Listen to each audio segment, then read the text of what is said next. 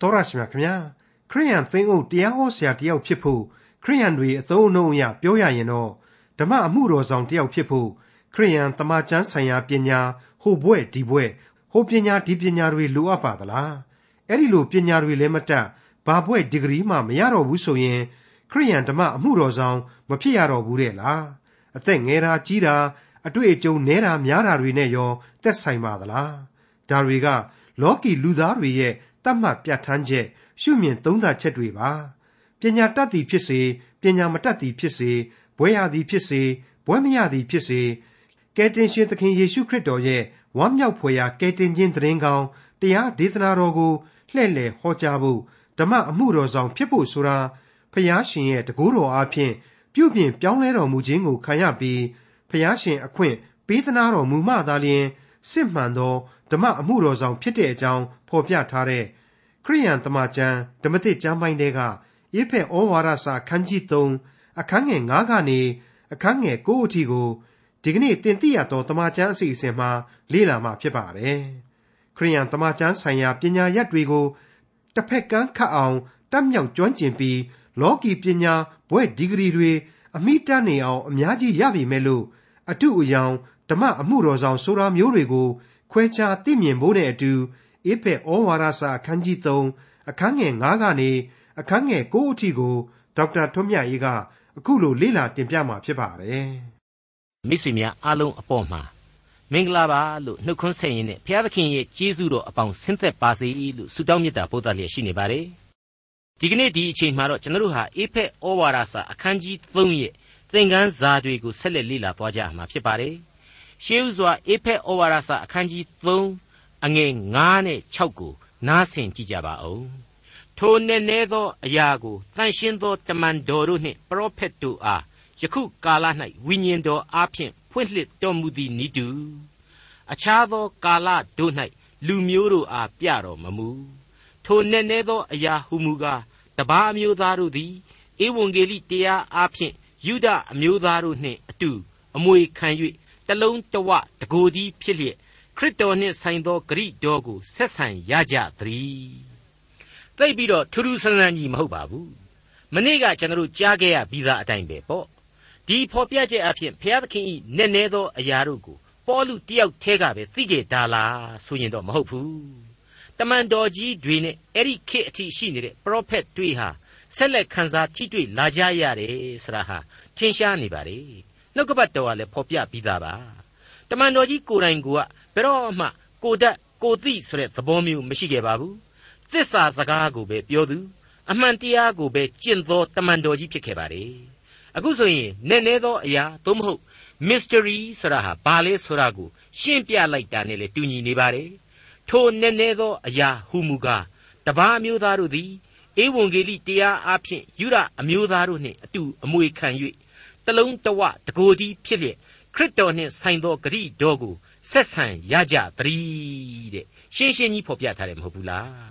ဖျားသခင်ရဲ့ကယ်တင်ခြင်းကျေးဇူးတော်ဆိုတာဟာဂျူးဣသရေလအတွက်သာမဟုတ်ဘူးဥရောပတိုက်သားတွေအတွက်သာမဟုတ်ဘူးကဘာကုံကျဲသည်ကဘာပေါ်မှာရှိနေတဲ့လူတ attva များအားလုံးအတွက်ပဲကဲရှင်းလင်းပြတ်သားလွန်းနေတဲ့ဒီနှုတ်ကပတ်တော်ဖော်ပြချက်တွေကို ကျွန်တော်ဘာများသံသယထားเสียအကြောင်းရှိသေးလိမ့်လေထိုနည်းနည်းသောအရာဟုမူကားတပါးမျိုးသားတို့သည်ဧဝံဂေလိတရားအဖြစ်ယူရအမျိုးသားတို့နှင့်အတူအမွေခံ၍တလုံးတဝတကိုယ်သည်ဖြစ်လျက်ခရစ်တော်နှင့်ဆိုင်သောဂတိတော်ကိုဆက်ဆံကြရဖို့ပါ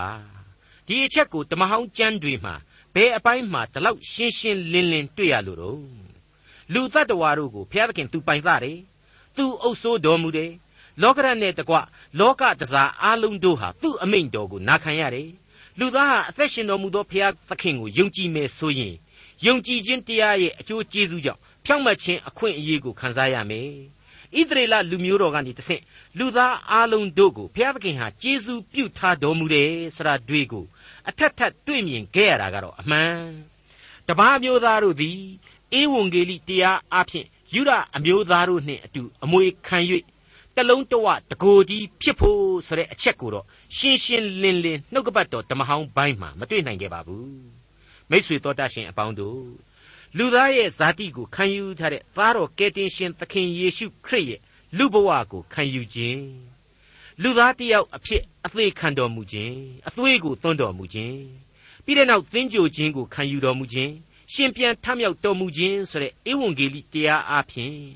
ယူဒဖြစ်စီယူဒမဟုတ်တဲ့အရှိအနောက်တောင်မြောက်ကဘာတလျှောက်ကလူသားအားလုံးတို့ဖြစ်စီလူသားဟာလူသားပဲခရစ်တော်၌တလုံးတဝသည်ဖြစ်ပြီးသကလားသာဝရအသက်ကောင်းကင်အမွေကိုခံယူနိုင်တယ်ဆိုတဲ့ဂရိတော်ကိုနှုတ်ကပတ်တော်ဟာအခုအပိုင်းမှာပြောင်ပြောင်တင်းတင်းအဖြေပေးလိုက်ပါပြီမိษွေတော်တတ်ရှင်အပေါင်းတို့ခမညာဒီအပိုင်းကိုရောက်လာခြင်းအဖြစ်ရှင်ယောဟန်ခရစ်ဝင်ကျမ်းအခန်းကြီး16အငယ်15ကိုကျွန်တော်သွားပြီးတော့သတိရအောင်မိမိပါတယ် ခမည်းတော်နှင့်ဆက်ဆိုင်သမျှသည်ငါနှင့်ဆက်ဆိုင်၏ထို့ကြောင့်ငါနှင့်ဆက်ဆိုင်သောအရာကိုယူ၍သင်တို့အားဖော်ပြလိမ့်မည်ဟုငါဆို၏ဒီတော့ယေရှုခရစ်ကိုမယုံနိုင်စရာဘာများရှိသေးသလဲအသက်ရှင်တော်မူသောအနန္တတကုရှင်ဘုရားသခင်ရဲ့ကယ်တင်ခြင်းကျေးဇူးအပေါ်မှာတန်တရားပွားเสียအကြောင်းကိုဘာများရှိသေးသလဲလို့ကျွန်တော်မေးချင်ပါတယ်ဒါအပြင်ဘုရားသခင်နဲ့ဆက်ဆိုင်တယ်ဆိုတဲ့အပိုင်းဟာရော ရွေးကောက်တော်မူသောဣသရေလတမျိုးတည်းတည်းလားမဟုတ်ပါဘူးစัจ java လာအနန္တသူ့လက်ညှိုးတော်ကဖြစ်လာတယ်လူသားမှန်သမျှသူ့ကိုယ်တိုင်ဖန်ဆင်းတယ်ဇီဝအသက်ကိုသူ့ကိုယ်တိုင်မှုတ်သွင်းပေးတယ်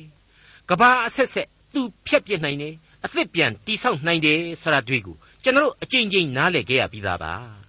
လူသားအလုံးကိုသူချစ်တော်မူလို့ကဲတင်တော်မူမယ်ဆိုတာတွေ့ကိုလေအခုဓမ္မသစ်ကျမ်းမှာပြောတာမဟုတ်ဘူးဆိုတာကိုကဘာဦးကျမ်းမှာဂရဲက ကျွန်တော်ကြားနာခဲ့ကြပြီးပါပြီအဲ့ဒါမှမလုံလောက်သေးဘူးဆိုရင်ပရောဖက်ကြီးတွေကနေတဆင့်ဘယ်လိုများအနာဂတ်တွေပြုတော်မူခဲ့တယ်ဆိုတာကိုစဉ်းစားကြည့်ကြပါအောင်စို့ဟေရှာယအနာဂတ်ကျမ်းအခန်းကြီး7အငယ်30မှ7ကိုအရင်ကြည့်ကြပါထိုကာလ၌ယေရှဲဤအမြင့်သည်ပေါက်၍လူများအဖို့ထူသောအလံဖြစ်လိမ့်မည်ထိုအလံ၌တပါးမျိုးသားတို့သည်စီးကပ်ကြလိမ့်မည်ကျင်းဝတ်တော်မူရာအရတ်သည်လည်းဘုံကြီးလိမ့်မည် ထိုကာလ၌ထာဝရဘုရားသည်လက်တော်ကိုဆန့်၍ကြံကျွင်းသောကိုရောဤလူတို့ကို အာရှုရိပြည်အေဂုတ်ထုပြည်ပါသရုပြည်ကုရှပြည်အေလံပြည်ရှိနာပြည်ဟာမက်ပြည်ပင်လေတစ်ဖက်၌ရှိသောပြည်များတို့မှကယ်ယူခြင်းဟာတဖန်ပြုတော်မူလိမ့်မည်ရှင်းနေတာပဲမဟုတ်ဘူးလားတခါဆက်ပြီးတော့ဟေရှာယအနာဂတိကျမ်းအခန်းကြီး42အငယ်9မှ9အတွင်းမှာလေအခုလိုဆက်လက်ဆိုဖွဲ့ထားပါသေးတယ် မိုးကောင်းကင်ကိုဖန်ဆင်း၍ကြက်တော်မူထသောမြေကြီးနှင့်မြေကြီးတဲကဖြစ်သမျှတို့ကိုခင်းကျင်းတော်မူထသောမြေကြီးပေါ်မှာရှိသောသူတို့အားအသက်ကို၎င်းမြေကြီးကိုကြော်နှင်းသောသူတို့အားဝိညာဉ်ကို၎င်းပေးတော်မူသောဖျားသခင်ထာဝရဖျားမိန့်တော်မူသည်ကားငါထာဝရဖျားသည်တင့်ကိုတရားသဖြင့်ခေါ်ထားသည်ဖြစ်၍လက်ဆွဲလျက်ထောက်မှမည်သင်သည်ကမ်းသောမျက်စိတို့ကိုဖွင့်စိမ့်သောငါ၎င်းချုပ်ထားသောသူတို့ကိုလွှတ်စိမ့်သောငါ၎င်း မှောင်မိုက်၌နေသောသူတို့ကိုအမိုက်ထောင်တဲကနှုတ်ယူစိမ့်သောငါ၎င်းသင်ကိုလူများနှင့်ပြည်ညင်ဖွဲ့เสียဖို့လူအမျိုးမျိုးနင်းเสียဖို့ခံထားမည်ငါသည်ထာဝရဘုရားဖြစ်၏ထိုနာမသည်ငါနာမဖြစ်၏ငါဘုန်းကိုအခြားသောသူအား၎င်းငါအသရေကိုရုတ်ထုဆင်းတုတို့အား၎င်းငါမပေးအရင်ဟောသောအရာတို့သည်ဖြစ်ကြပြီအသစ်သောအရာတို့ကိုယခုငါဟော၏မပေါ်လာမီသင်တို့အား ငါပြနှင့်၏အံ့ဩစရာကောင်းလာတဲ့ဗျာဒိတ်တန်ပဲလို့ကျွန်တော်ဆိုချင်ပါတယ်အဲ့ဒီဟေရှာယအနာဂတိကျမ်းမှာပဲအခန်းကြီး60အငယ်3အရာအခုလိုကျွန်တော်တို့တွေ့နိုင်ပါသေးတယ်တပားအမျိုးသားတို့သည်သင်ဤအလင်းကဲ့သို့၎င်းရှင်ဘရင်အပေါင်းတို့သည်သင်၌ပေါ်ထွန်းခြင်းအယောင်သို့၎င်းလာကြလိမ့်မည်တဲ့မိษွေအပေါင်းတို့ခမညာနှုတ်ကပတ်တော်အပေါင်းတို့ရဲ့အံ့ဩပွေပြည့်စုံမှုကတော့ပြောလို့တောင်မှယုံနိုင်ပွေမရှိပါဘူး လူမျိုးတော်ဣသရေလအတွက်သီးသန့်ဗျာဒိတ်တွေရှိတာကိုအသာထားကြားခဲ့ရတဲ့အတိုင်းပဲကဘာတစ်ခုမိသားစုနော်ဘုရားသခင်ဖန်ဆင်းထားတဲ့လူသားအလုံးဟာအတူတူပဲအဲ့ဒီလူမျိုးအလုံးနဲ့ပါသက်ဆိုင်တဲ့သတိပေးချက်တွေဟာဣသရေလမှာခရစ်တော်မပေါ်ခင်နှစ်ပေါင်း900လောက်ကလေးကအခုလိုရှိခဲ့ပါသေးတယ်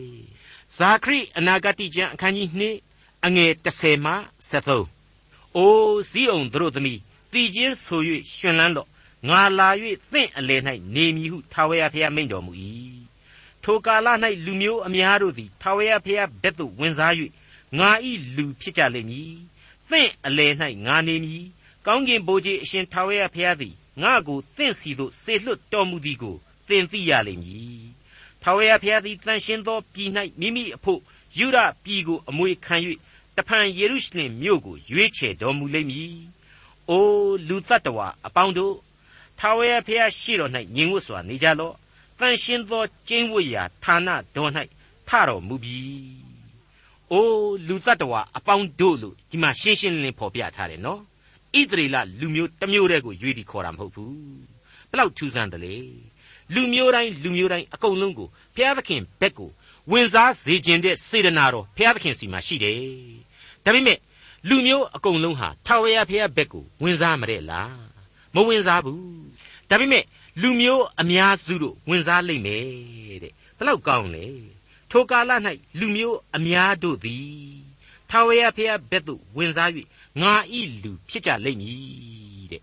တဲ့လက်တွေ့ကြတာတော့မရှိတော့ဘူးလို့ပဲကျွန်တော်ပြောချင်ပါတယ်နှုတ်ကပတ်တော်ဟာသေသေးချာချာဖတ်လေလေအလင်းအရှိန်ပြင်းထန်လေးလေးတဘာဝကြလေးလေးပဲဆိုတာကိုဘယ်သူမှညင်းနိုင်လိမ့်မယ်မထင်ပါဘူးမိษွေတော်တတ်ရှင်အပေါင်းတို့ခမညာ တခါပရောဖက်မာလခိရဲ့အနာဂတ်ကျမ်းမှာဆိုရင်လေအဲ့ဒီလိုပဲမယိုးမဆွဲတွေ့နိုင်ပါသေးတယ်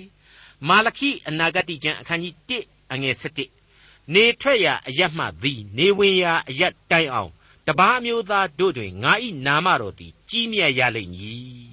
ခတ်သိမ်းသောအရက်တို့၌နန့်သာပေါင်းကိုငါ၏နာမတော်အားမိရှု၍တန်ရှင်းသောပူဇော်တက်ကာကိုဆက်ကပ်ရကြလိမ့်မည်ငါ၏နာမတော်သည် တပါးမျိုးသားတို့တွင် ကြီးမြတ်ရလိမ့်မည်ဟုကောင်းကင်ဘိုးကြီးအရှင်ထာဝရဘုရားမိန့်တော်မူ၏တဲ့ဒီအချက်တွေကိုအကုန်လုံးပေါင်းယုံပြီးတော့အေဖက်ဩဝါဒစာကဖော်ပြတဲ့နည်းနည်းသောအရာရဲ့အကြောင်းကိုပြန်ပြီးတော့အစဖို့စဉ်းစားလိုက်မယ်ဆိုရင်ဒီဧဝံဂေလိတရားအဖြစ်ဒီအသင်းတော်တို့ပေါ်ထွက်လာခြင်းဆရာဟာရှင်းနေသလိုဒီနဲ့နေခြင်းဆရာဟာလေကဘာတစ်ခုမိသားစုအတွက် ကဲတင်ခြင်းကျေးဇူးကိုပြုဖို့ဆရာနဲ့ရှင်းရှင်းကြီးဆက်ဆက်နေပြီဆရာဟာအကျယ်ချဲ့ဖို့တောင်မှလိုတော့မယ်မထင်ပါဘူးအဲ့ဒီလိုလူသားတိုင်းနဲ့သက်ဆိုင်တဲ့ဘုရားသခင်လူသားတိုင်းနဲ့သက်ဆိုင်တဲ့တရားမဟုတ်ဖ ೇನೆ လေနဲ့နေသောအရာဆိုပြီးတော့ဘာမှတကူးတကအေဖက်ဩဝါဒစာကနေဖော်ပြနေစရာအကြောင်းလည်းရှိလိမ့်မယ်လို့ကျွန်တော်မထင်ပါဘူးအခုတော့ရှင်းနေပြီဣသရေလရဲ့ဣသရေလမဟုတ်တဲ့တခြားတပါးအမျိုးသားတွေရဲ့ အခြေခံလူအခွင့်အရေးမှာအတူတူကြီးပဲခရစ်တော်ကိုယုံကြည်ခြင်းအပြင်သာလျှင်အသင်းတော်ဒီဟုသောခန္ဓာတော်အဖြစ်ဖျားသခင်ရဲ့ကယ်တင်ရှင်ယေရှုတော်ကောင်းကင်နိုင်ငံတော်အမွေထာဝရအသက်ရှင်သန်ခွင့်စရတွေကိုရယူခံစားကြရလိမ့်မယ်ခရစ်တော်အားဖြင့်သာလျှင်မလွတ်နိုင်တဲ့အပြစ်ဘဝကနေပြီးတော့မလွတ်မြောက်နိုင်တဲ့ဒုစရိုက်လောကကနေပြီးတော့အသစ်သောလူဘဝကိုရောက်ရှိနိုင်တယ်။ ဒါဟာကွင်းကွင်းကွက်ကွက်ရှင်းရှင်းလင်းလင်းထွက်ပေါ်လာတဲ့အဖြစ်ပါပဲ။ဒါကြောင့်မို့လို့မိษွေအပေါင်းတို့အထူးသတိပြုကြပါ။ထိုနည်းနည်းသောအရာဟုမူကားတပါးအမျိုးသားတို့သည်ဧဝံဂေလိတရားအဖြစ်ယူရအမျိုးသားတို့နှင့်အတူအမွေခံ၍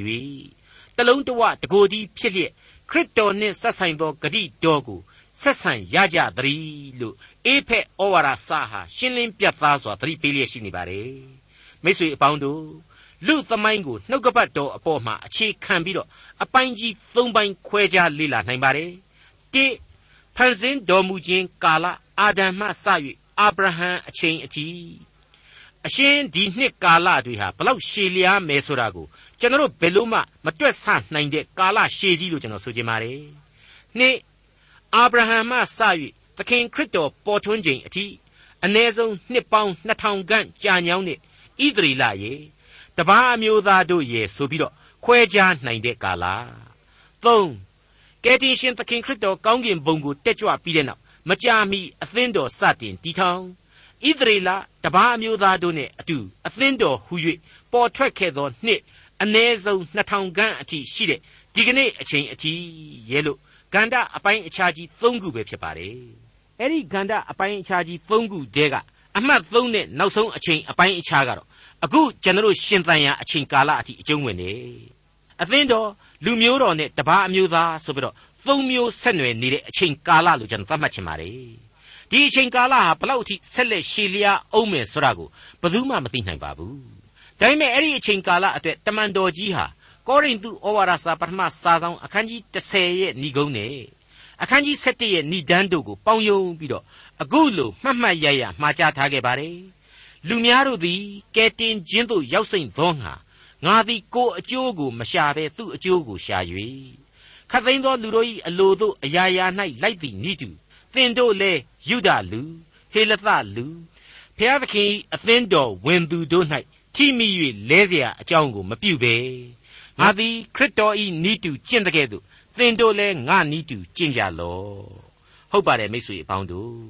ယူဒသို့မဟုတ်ဂျူးဖြစ်စေ ဟေလသခေါ်တပားအမျိုးသားပင်ဖြစ်စေ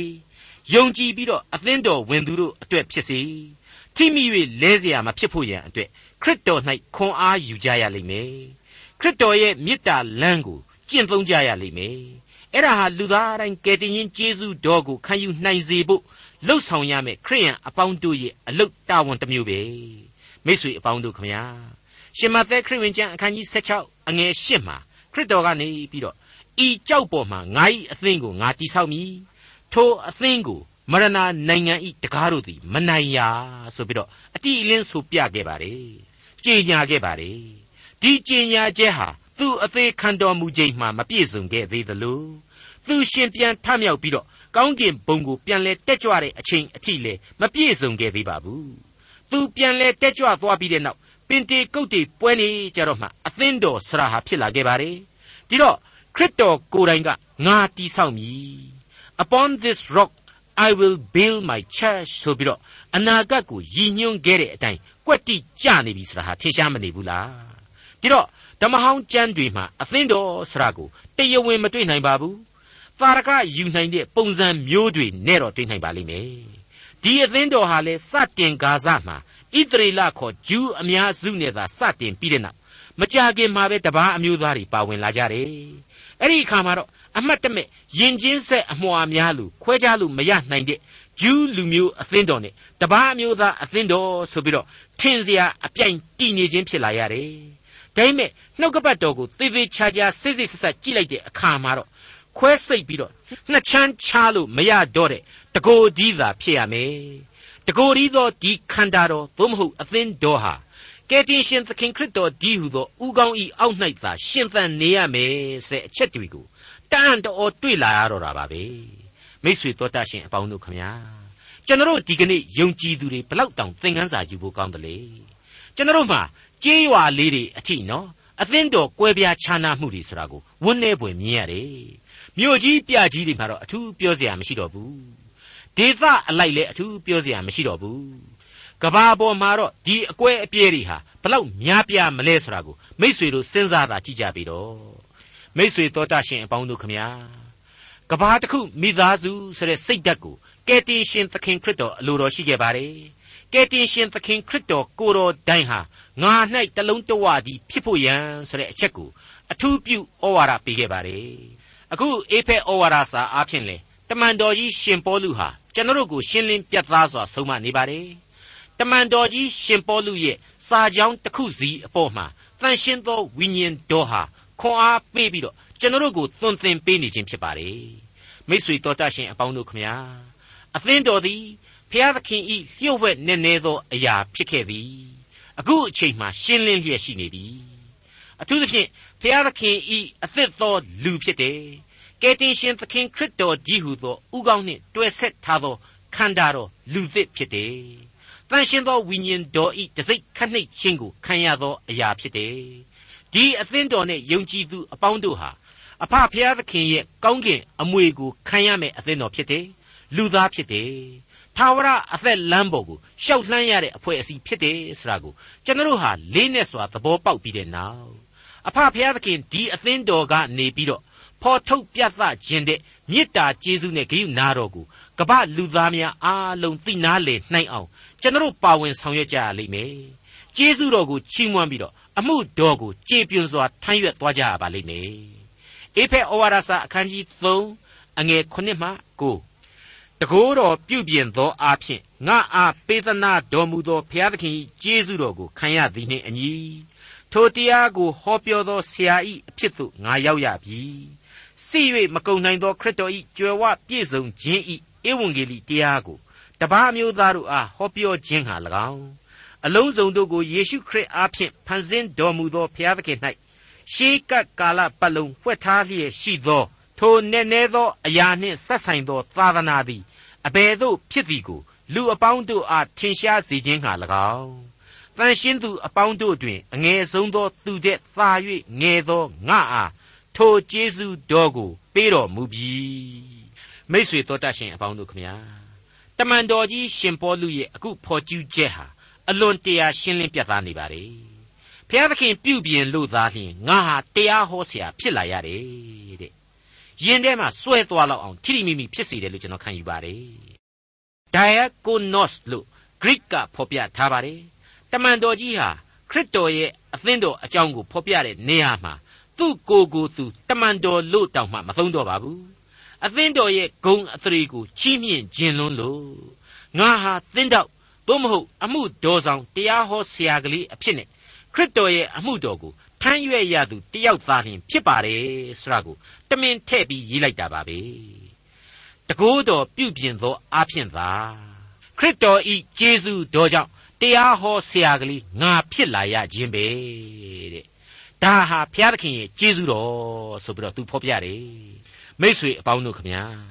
ဒီအပိုင်းကိုကျွန်တော်ကရောက်လာတဲ့အခါကျတော့စာရေးဆရာဖန်လျင်ဖေသွင်းရဲ့ဆရာတစ်ပါးရှာမရှာဆိုတဲ့ဝတ္ထုတဲကလူသင်းအုပ်ဆရာဆိုရင်ဘာကြီးဖြစ်ရမယ်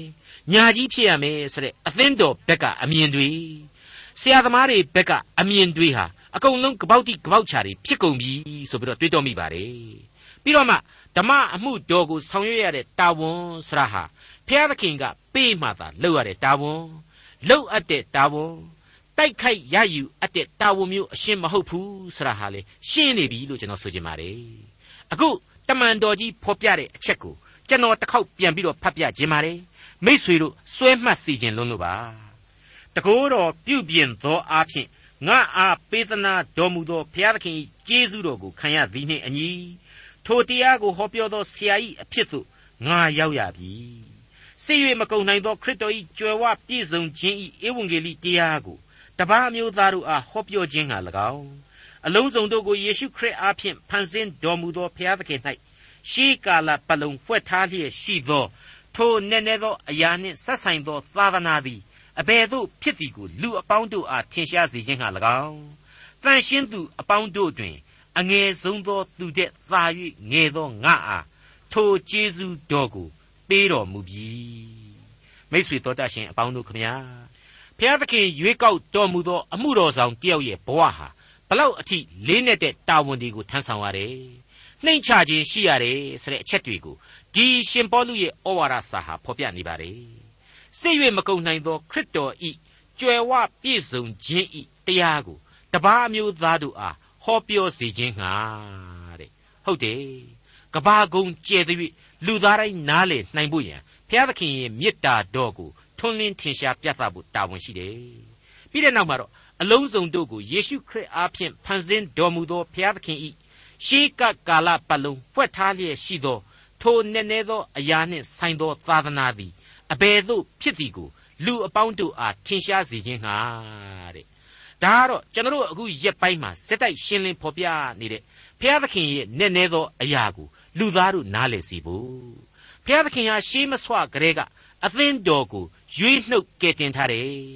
ဒီကယ်တင်ခြင်းကျေးဇူးကိုပြုထားတဲ့အဖွဲ့အစည်းမှာပါဝင်တဲ့လူသားတွေရဲ့အသက်ဝိညာဉ်ကိုသူဟာကောင်းကင်နိုင်ငံတော်အမွေနဲ့ထိုက်တန်တယ်လို့သတ်မှတ်ထားတယ်အဲ့ဒီလူသားတွေအဲ့ဒီအဖွဲ့အစည်းဝင်တွေအကုန်လုံးဟာကယ်တင်ရှင်သခင်ခရစ်တော်ကြီးဟူသောဥကောင်းအောက်မှာတလုံးတဝရီတည်ရှိနေတဲ့ခန္ဓာတော်ဖြစ်တယ်လူသစ်ဖြစ်တယ်အဲ့ဒီအဖွဲ့အစည်းကိုမှတခါဘုရားသခင်ဟာတန်ရှင်းသောဝိညာဉ်တော်နဲ့အုပ်ဖမ်းပြီးတော့ တန်ရှင်းသောဝိညာဉ်တော်အဖြစ်တစိ့ခတ်နှိပ်ထားတယ်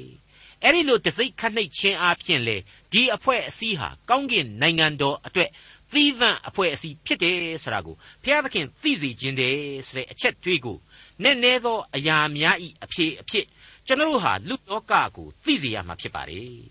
ရှင်းရှင်းပြောရမယ်ဆိုရင်တော့ဓမ္မဆရာကြီးရဲ့တာဝန်တွေဟာအဲ့ဒါပါပဲဘုရားသခင်နည်းနည်းသောအရာတို့ကိုဖော်ပြဖို့ခရစ်တော်ကိုယုံကြည်လက်ခံပြီးတော့ လူသားတိုင်းကယ်တင်ရှင်ယေရှုတော်ကိုခံယူနိုင်ဖို့